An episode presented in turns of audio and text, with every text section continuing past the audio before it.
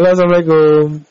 Waalaikumsalam warahmatullah. Episode Angkring Altok ya. Angkring Altok episode berapa ya? 30 30 something lah. 32 atau 33. Udah nyampe 30 lah. Udah dong. Udah banyak ya? Banyak sekali. Banyak sekali. Nanti podcast yang bikin sama kamu tuh mau aku publish juga karena aku ngerekam. Oh, Biar banyak. iya, iya. Biar banyak. Si- Siap, siap. Oke, kita ngomongin soal rare earth. Rare earth. Rare Earth Element. Rare earth. RRE ya? RRE. Tapi REE. REE. Hmm. Ada ini juga sih sebenarnya cuma RE aja kan bisa. Oh, oke lah. Jadi rare earth element adalah sebuah mineral atau Hmm. logam yang kandungannya ada 17 unsur, 15 unsur golo, logam la- lantanit sama dua unsur logam apalah pokoknya itu tuh campuran logam yang ter, eh, ter- bisa diolah untuk banyak manfaat. Hmm, ya. Nah, Hal bisa buat apa? itu kan di golongan lantanit ya. Oh, lantanit apa apa aku Lantanit itu sekilas. golongan apa sih? 6 eh kok 6 sih? 6B apa ya? Hmm. Kalau nggak salah. Ya, pokoknya Ya, lah, itu kegunaannya tuh banyak lah. Buat Ah. segala macam, buat batu baterai, buat gadget, buat gadget, terus buat tank senjata, senjata alusista itu untuk Hmm. militer tuh banyak. Ah, Nah ini tuh uh, sebenarnya awalnya kan aku cuma baca di uh, CNBC Indonesia. CNBC Indonesia tuh mem- apa beritanya tuh uh, yang apa? Ini tuh disebut-sebut gimana? Di Indonesia punya cadangannya kan ya? Ya tapi nggak begitu banyak sih. Cuma Hmm. kalau punya ini tuh ibaratkan katanya kayak vibranium di Wakanda. Hmm. Kalau Apa itu vibranium, vibranium? vibranium adalah logam terkuat di alam semesta Marvel Wow. dan Oh, adanya di iya, iya. Wakanda. Wakanda forever. Wakanda forever. itu di baratnya itu. Jadi apa artikelnya itu judulnya menemukan cadangan rare earth Indonesia apakah ada Indonesia bisa menjadi Wakanda? Sebenarnya Hmm. dibandingin apa? Dibanding apa rare earth dengan vibranium bedanya jauh sih. Ya jelas sih ya. apa fiksi kan apa Hmm. Karena fan- fiksi. fantasi kan. Hmm. Jadi vibranium itu awalnya tuh bukan mineral yang ada di bumi. Ini cerita Hmm. ngomong asal usulnya dulu ya. ya, Jadi vibranium tuh awalnya tuh berasal dari meteor. Meteor yang jatuh Hmm. ke bumi di sebuah negara di benua Afrika. Nah, terus meteornya jatuh meledak di suatu dataran, akhirnya nyebar hampir seluruh seluruh kawasan itu tuh memiliki kandungan vibranium yang banyak. Hmm. Ya kan ternyata vibranium tuh kegunaannya tuh banyak buat senjata terus buat segala buat teknologi-teknologi canggih itu bisa. Dan akhirnya Hmm. negara yang memiliki memiliki cadangan kaya akan vibranium itu akhirnya jadi negara superpower. Nah itu negara itu Hmm. namanya Wakanda. Oh, Wakanda. ya. Nah itu awal mulanya kayak gitu. Ah. Jadi itu kan eh, apa golongan lantanit ya berarti ya. Hmm. Itu kan kalau di Indonesia paling cuma berapa toh? Gak Oh. nyampe gak nyampe belap, belasan juta lah ya. Gak nyampe ya. Nggak nyampe. Gak nyampe ya. Kalau aku lihat di berita itu kan lebih banyak Cina kan. Di Cina kan Hmm. ada 40 juta apa ya cadangannya. Ya. Pokoknya yang paling mudah eh, Cina, nomor dua tuh Brazil sama Vietnam. Hmm. Indonesia tuh cuma ya bagian pering kan dari 10 ne- apa 10 negara produsen terbesar itu Indonesia peringkat belasan apa 20 lah. Nggak nggak Hmm. banyak-banyak amat tapi ada lah, ada. Dia tuh punya Oh. punya ini rare earth tuh ada Indonesia. Ada tapi nggak banyak gitulah. Iya. Ah. Nah, itu terus semisal pun kalaupun Indonesia ya, Hmm. Indonesia punya cadangan mineral kayak gitu, nggak mungkin juga mungkin Indonesia bisa jadi kayak Wakanda. Hmm. Oh paham nggak? eh, eh, bisa jadi. Kita ngomong ini aja deh yang dulu-dulu apa Misal kita punya mineral langka, ide yang kemarin-kemarin itu kayak emas lah. Emas kan akhirnya yang ngambil siapa? hmm, Amerika kan. Ya Amerika. Emang kit- karena kita tuh nggak punya teknologi buat ngambil itu. Olahnya. Oh, oh. Hmm. Ngambil sama ngolahnya kan kita nggak punya. Iya Percuma sih. juga. Iya kalau sekedar punya tapi nggak bisa ngolahnya kan percuma juga. Iya sama aja. Walaupun itu di dijual pun masih murah kan maksudnya. Mm, Nanti kan ini nah, kalau itu dijualnya tuh nanti bentuknya komoditas. Hmm. Nah, komoditas kan ibarat kata tuh bahan mentah ya. Kamu Iya. apa nambang terus batunya langsung dijual. Udah Hmm. Harganya tuh murah jatuh. Ini aku yang belajar kayak gini tuh pas di kopi. Orang Hmm. petani kopi tuh jual bijian apa biji hijau yang baru dipetik tuh langsung dijual nggak di roasting nggak di apa tuh harganya murah banget satu Iya, kilo murah. cuma satu kilo cuma lima ribu apa ya pas dijual di kafe-kafe di kemasan-kemasan kayak gitu kan ada yang sampai seratus ribu atau dua Hmm. takaran 200 gram aja ada seratus ribu aduh Hmm. ini petani petani kopi di Indonesia tuh udah dibodoh-bodohin loh sama ininya sama Iya. tengkulaknya Ya, emang emang gitu sih rata-rata. Hmm. Yang bikin harga mahal itu di tengkulak sih. Hmm. gitu. kita tuh belum petani juga petani petani apa segala macam petani penambang tuh mereka nggak mikirin buat yang namanya hilirisasi Hmm. Iya, soalnya petani langsung apa? Misalnya metik apa nambang langsung jual, nambang Iya. langsung jual gitu aja kan. itu karena anak S1 anak sarjana pertaniannya tuh nggak mau ngurusin kayak gituan Baik, malah kerja di bank. Kalau jadi bank. kan satu kampus yang ada di Bogor yang depannya I, tengahnya P, belakangnya B kan. Katanya singkatannya mah apa malah jadinya singkatannya kan berubah. Institut Eh, Perbank apa pegawai bank. Institut pegawai bank ya. Institut pegawai bank. Karena lulusan situ yang harusnya jadi petani, sarjana pertanian kan apa kekuatan jurusan ini kekuatan kampus di situ kan pertanian ya. Eh malah Hmm. lulus lulus malah ini apa jadi pegawai bank. Hmm. Nah iya. Malah ada yang lulus jadi komika. Oh iya iya iya. Oh iya iya. Ini apa? Yang unsur ya? Iya itu. Di Purewok. Ya dia tuh lulusnya telatnya marah ya. Heeh. Setahun baru lulus kok. Memanfaatkan. Eh, apa? Betul. Sebenarnya teknik kimia juga turut berperan. Karena kita berperannya di pemurniannya kan. Iya. Ya kan. Tapi percuma sih kalau kita tahu ilmunya tapi nggak ada fasilitasnya, Nah itu. semacam Karena smelter. kita nggak punya teknologinya. Hmm. Percuma ya. Oh, buat apa kita kuliah Percuma. kimia? Hmm. Malah nyari nyari apa? Nyari operator. Oh, operator anak operator anak SMK ada tiga. Makanya. Tapi emang itu kalau eh Red Earth kan dia nggak berdiri sendiri kan. Ya. Kalau ah, yang aku baca kan dia terdispersi alias nyampur gitu kan. nyambur. Masih nyampur. Ya kayak emas gitu kan masih nyampur tanah dan sebagainya kan. Hmm. Jadi nggak benar-benar kan juga butuh. gitu. Pemurnian juga kan emas tuh. Mm-mm. Pas ditambang kan emang bentuknya kan batu. iya Baru diolah-olah-olah-olah baru kan keluar emasnya. Hmm.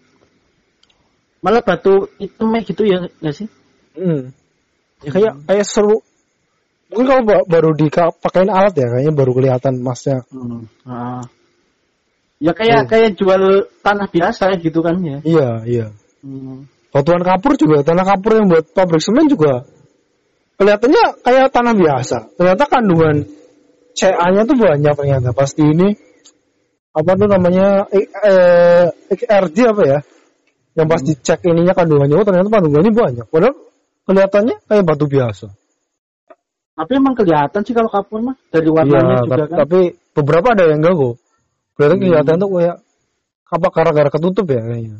Oh, kalau kalau di daerah pantai selatan kan kelihatan Hmm, semua. oh batuan kapur ya, iya. ah. Batuan kapur. Iya, kan batuan kapur emang ada pegunungan kapur kan. Emang ada yang itu tapi beberapa aku pernah lihat, "Loh, ini kok batu kayak pasir-pasir biasa. Tapi ternyata ada ada kandungan kapurnya meski ketutup kan. Hmm. hmm, hmm. Yang di daerah mana paling ya? Hmm, Kalau daerah selatan mah biasanya putih semua udah kelihatan. ya. Kalau di tempatku ini juga di Nusa Kambangan kan banyak batuan kapur. Oh, pabrik semen yang di tempatmu masih ini, Holcim. Iya, ngam- ngambilnya kan ngambil kapurnya di ini di Nusa Kambangan. Oh, oh. Ada ini. Emang di sekitar pabriknya nggak ada gunung kapur? Ya nggak ada lah kan di dataran rendah. Oh, gitu. Pabriknya itu di kota malah. Oh, berarti lewat-lewat ini ya? Transportasi jalannya? Sering-sering ada jalannya jalannya berarti? ada ada ininya sendiri. Jadi Hmm. kayak apa sih namanya? Ya ada jalurnya sendiri lah. Kalau kita lihat di ntar lihat di di selat itu Hmm. ada ini ada alatnya kelihatan. Oh, langsung nanti ya? kayaknya dibawa dibawa pakai ini deh, pakai kereta deh. Hmm, hmm, hmm. Kan di di dalamnya kan ada kereta sendiri dia. Iya, iya. Punya kereta. Kalau yang Indosemen Cirebon tuh kan pabriknya tuh pinggir jalan raya, terus ke belakang ke arah barat ya kan. Ke arah baratnya tuh nanti kelihatan dari tol Cipali. Itu gunung kapurnya Hmm. masih ada, masih banyak. Hmm. Jadi nggak paling ya berapa sih ya 5 kilo 5 5 7 kilo lah dari pabrik yang kelihatan jalan tuh Hmm. itu ada gunung kapurnya emang dekat banget Oh, emang dekatnya. Iya, di belakang situ lah. Tapi ya pakai transportasi, pakai mobil, pakai pick up kan buat ke sananya. Hmm. Iya sih. Tapi aku kayaknya di Cilacap itu anomali deh. Malah pabrik-pabrik kayak Pertamina gitu Hmm. malah di kota loh. Itu termasuknya masih kota itu. Hmm. Masih masuk daerah Oh, administrasi di kok boleh, kota. boleh ya? Nggak tahu. Hmm. Harusnya kan ada ada ada kawasan industri sendiri. Iya. Ya emang agak-agak di sana sih. Cuma cuma ya itu masih masih dalam administrasi kota sih. Hmm.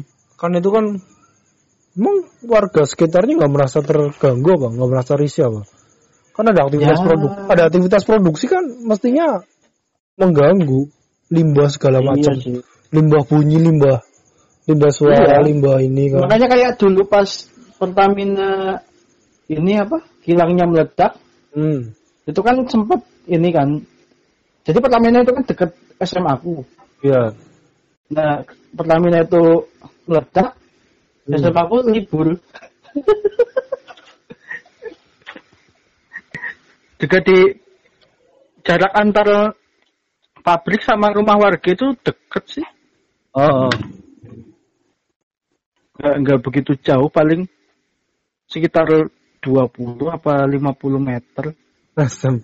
Deket maksimal banget. 100 iya maksimal 100 paling dari Ah. rumah warga Oh, ini ini bahas mineral lagi nih. Besi-besian Oke. ya. Kalau Gundam tuh bikinnya pakai bahan apa, Go? waduh kayaknya sih ya tergantung Gundamnya biasanya ada yang kalau Gundam tipe yang dia aslinya dari bumi itu dia pakai bahan yang dari bumi kayak misal campuran logam dan sebagainya Alloy? alloy dan sebagainya. Oh. Kalau yang kalau yang dia Gundamnya dari Mars kayak misal Wow. punya Mars. punya siapa sih punya Apakah- federasi punya Zeon tahu Zeon kan Nggak tahu. Zeon itu yang yang Gundamnya Char Char Aznable itu loh Hmm. itu dari dari kubu kubu kerajaan eh kubu ya kerajaan Anggap aja aku tahu, Wis. Oke. Apakah ada Evolve di sana? Evolve. tidak ada dong Evolve Evolve duit. Evolve tuh. Tapi itu emang ini sih beda-beda ini juga. Beda Apakah kita mungkin menambang di Mars, Go? Hmm, Ada kandungan bat- mineral apa di Mars? Kayaknya mineralnya apa sih? Aku lupa. Kayaknya nggak ada deh. Tanah merah gitu. Kan tanah merah gitu ya. Aku lupa kandungannya sih. Keras banget ya. Kan nggak kena sinar matahari ya. Sinar matahari jauh ding. Kena sih kena tapi kan jauh. Iya. Kena tapi jauh. Tapi kan karena karena nggak ada air. Iya. Susah mungkin ya nambang di sana. Yang ada malah rugi. Ya tapi be- apa rare earth juga penambangannya tuh rugi. Dan di- Biayanya itu terlalu besar. Kemungkinan kalau misalnya Indonesia serius ya, Hmm. ya mau nggak Indonesia mau ngeluarin dana yang besar buat apa? Menambang itu segala macam. Kalau Cina kalau Cina kan emang cadangannya banyak, jadi mereka nggak rugi. Iya. Kalau Indonesia kalau cadangannya dikit bela-belain nambang, taunya rugi gimana? Iya sih. Tapi mending kalau Indonesia ini sih mereka fokus ke apa emas sama thorium kan. Ah, thorium. Hmm. Aku Thorium. lebih suka Indonesia ngembangin thorium sih. Thorium Karena kan itu buat ini ya nuklir ya. Masih banyak kan. Hmm. Thorium itu kan buat reaktor nuklir, Nuklir. ya kan. Thor. Setelah apa? Uranium kata eh, teknologi baru tuh lebih memilih kayak itu lebih, lebih ramah lingkungan thorium. Reaktor generasi 4 apa ya namanya? Hmm. Sekarang generasi berapa sih? Empat apa lima sih? Atau Empat ya? terakhir sih aku tahu 4, nggak tahu sekarang kalau udah sampai 5 nggak tahu. BTW kemarin-kemarin udah ada perencanaan mau dibangun. Power enggak ada. Mini apa- mini PLTU apa PLTU pra PLTU ya di Kalimantan kok. Itu hubungannya ini pen- penjajakan buat PLTN Iya iya. di Kalimantan. Katanya sih ya. Kan baru baru penjajakan kan. Iya Banjarmasin apa sih? Kalau nggak salah. Iya pokoknya di situ lah udah mau Hmm. tingkat warganya tuh udah mau ini apa? Udah mulai menyetujui. Hmm. Tapi kalau dari dari kita sebagai orang teknik kimia kan ya PLTN itu malah leb- jauh lebih murah kan ya. Lebih murah, Karena keamanannya juga tinggi kan. Jauh lebih tinggi. Nggak se- eh, nggak sembarangan maksudnya. Tapi kayaknya SDM Indonesia belum mampu deh.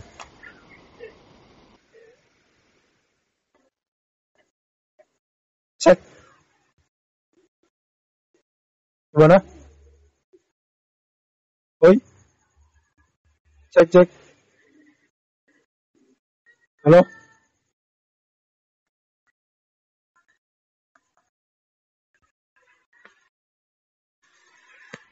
Halo.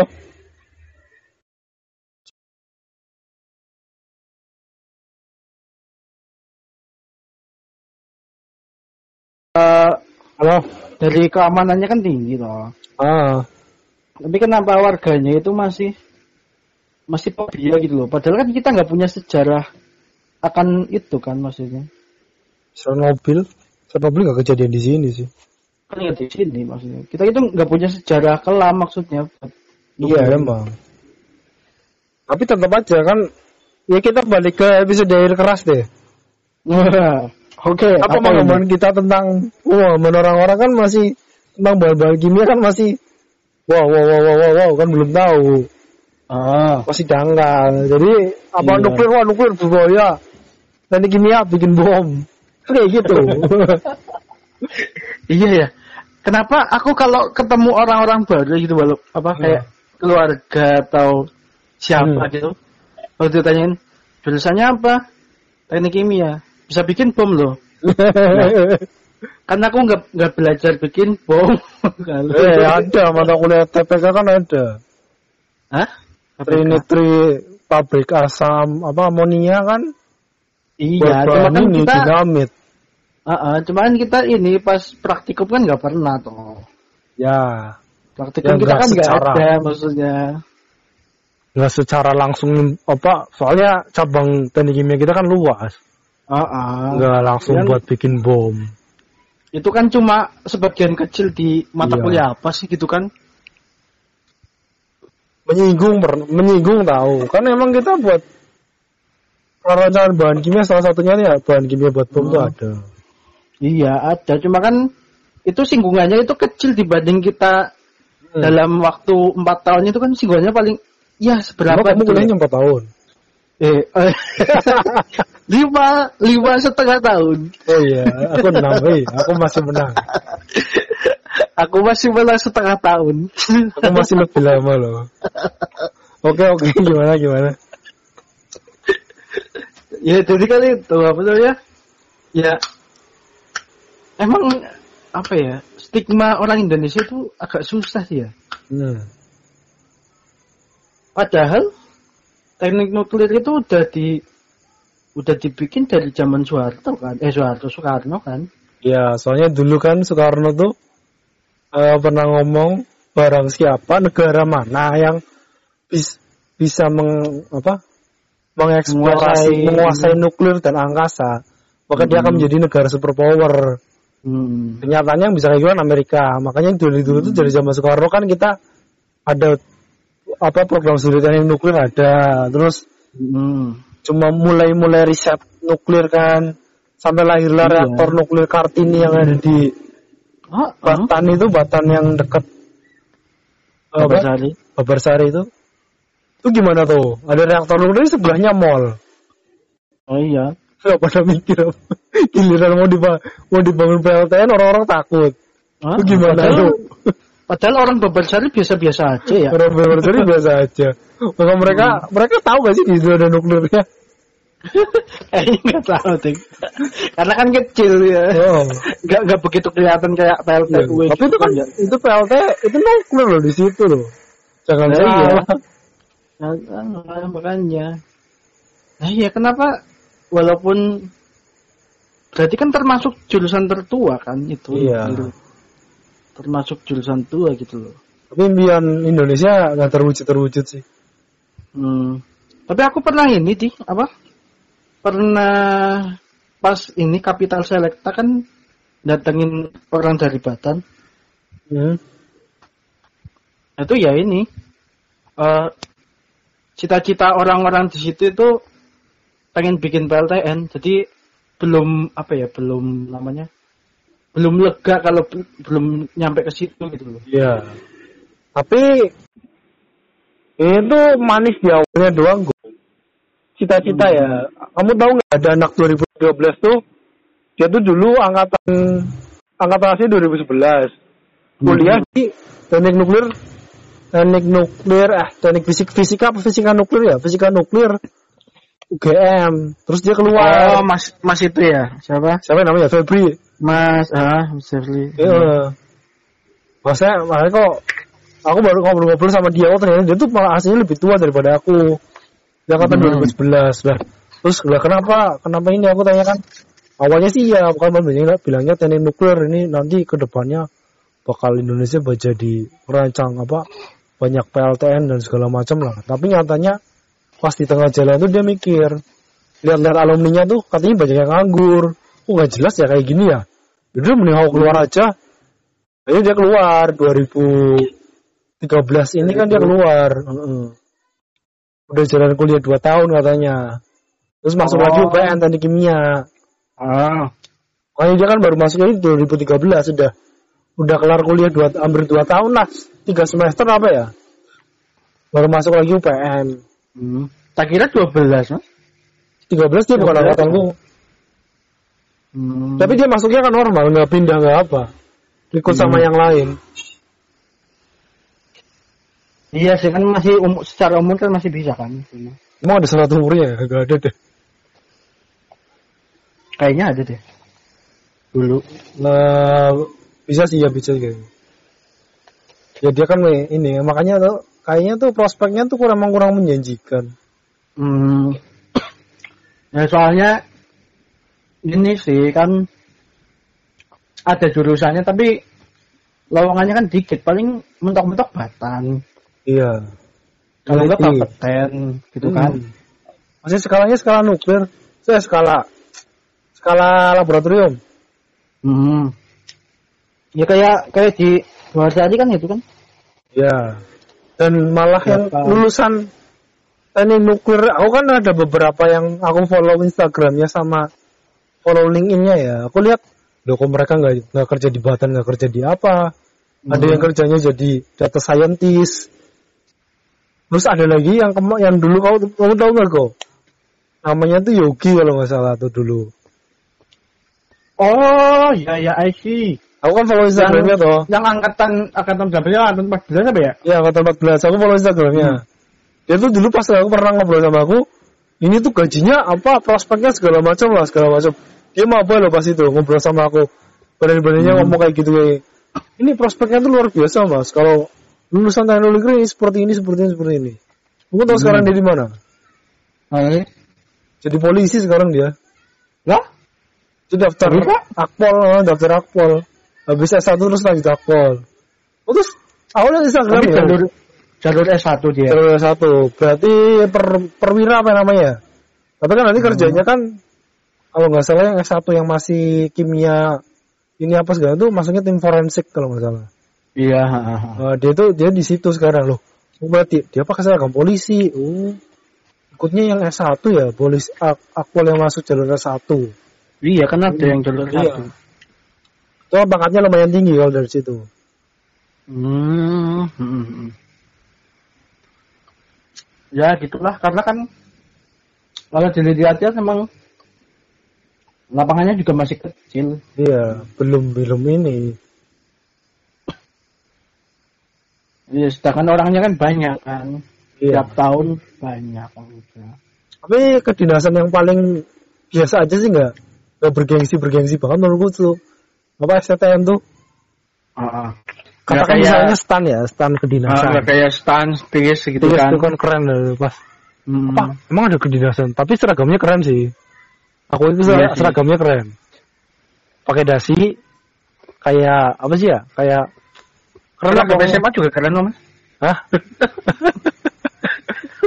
ada dasinya sama kayak pangkat-pangkatnya gitu loh kok keren lah menurut keren sih keren deh sekolah sih Gimana sekolah tinggi seragam SMA kita dikasih pangkatnya gitu mas? ya bisa sih tapi keren keren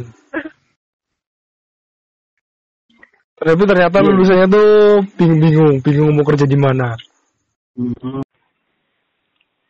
Ya, itu. Karena kita nggak bisa nggak bisa ngolahnya sendiri kan, iya belum ada alatnya. Dan dan kalau bikin PLTN pun dia butuh waktu 10 tahun apa ya buat bikinnya sendiri aja. banyak lama iyalah Produksinya kan. untuk belum penerimaan ini penerimaan warga tuh masih susah Hmm. Iya. itu yang udah jelas ada tahu ya Hmm. Nah ini rare earth, rare earth tiba-tiba apa apa lagi nih warga belum tahu langsung tiba-tiba menghuj apa biasanya nggak mau konservatif Hmm. konservatif kan gitu ya orang konservatif kan biasanya gitu tidak Hmm. mau menolak adanya penambangan apa segala macam merusak Iya alam belum apa-apa udah ditolak gitu. iya merusak alam Hmm. ya kayak ini di Gunung Slamet kan lagi bikin ini PLTG ya eh, PLTP ya PLTP ya PLTP. bus kena tuh yang di situ daerah-daerah Hmm. Bumi Ayu Iya kan kan warganya pada ini pada protes. hmm. Padahal kalau dipikir-pikir ya itu tuh ini apa proyek Gus gitu loh.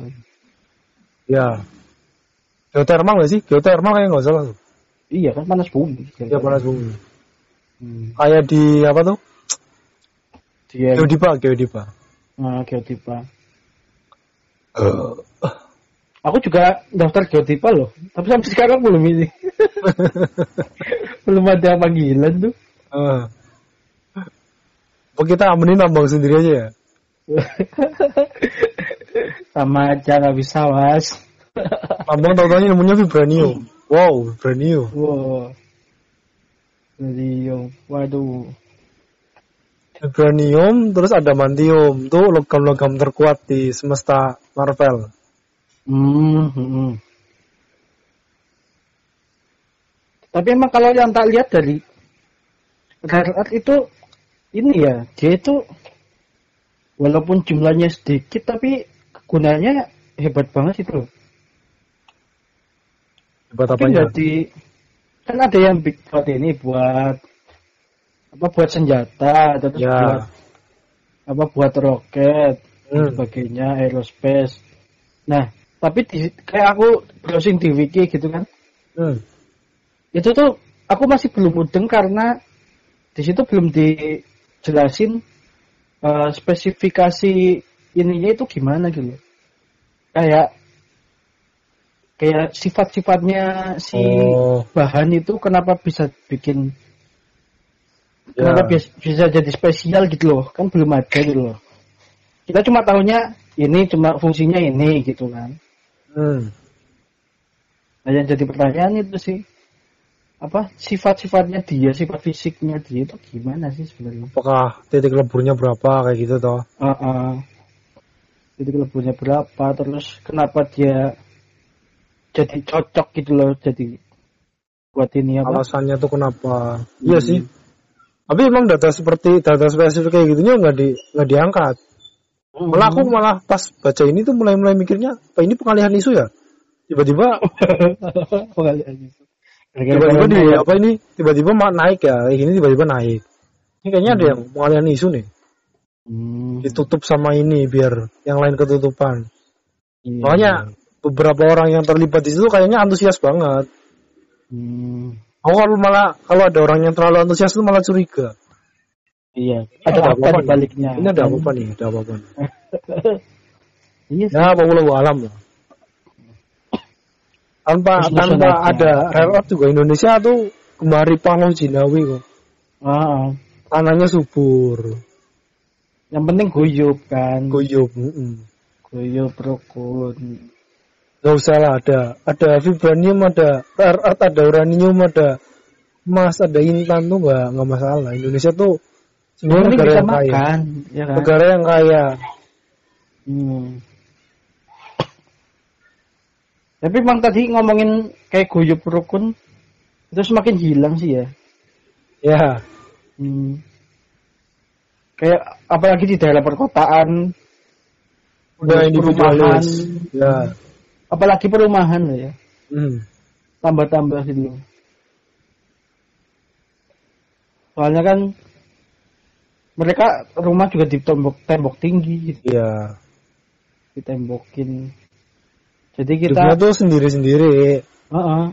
Jadi itu rumah ada isinya tapi nggak kelihatan ada orangnya gitu loh. Ya. Gitu. Oh, wahnya kurang. Hmm. Hanya kurang. Ini kita bahasnya kok ke mana-mana. Iya ya. Ya sudah cukup sampai di sini. Ada kesimpulan nggak ya? Ah nggak usah lah. Kita tahu yang menyimpulkannya ya. Indonesia tuh tanpa adanya rare earth tuh Indonesia sudah cukup kaya raya. Cuma kitanya aja Hmm. belum bisa ngolah. Ya, Kamu gimana? Ada ada ada closing statement nggak? Kalimat penutup? Gak ada. Cukup saja. cukup. ya udah kita cukupkan sampai di sini. Wassalamualaikum warahmatullahi wabarakatuh. Waalaikumsalam warahmatullahi wabarakatuh.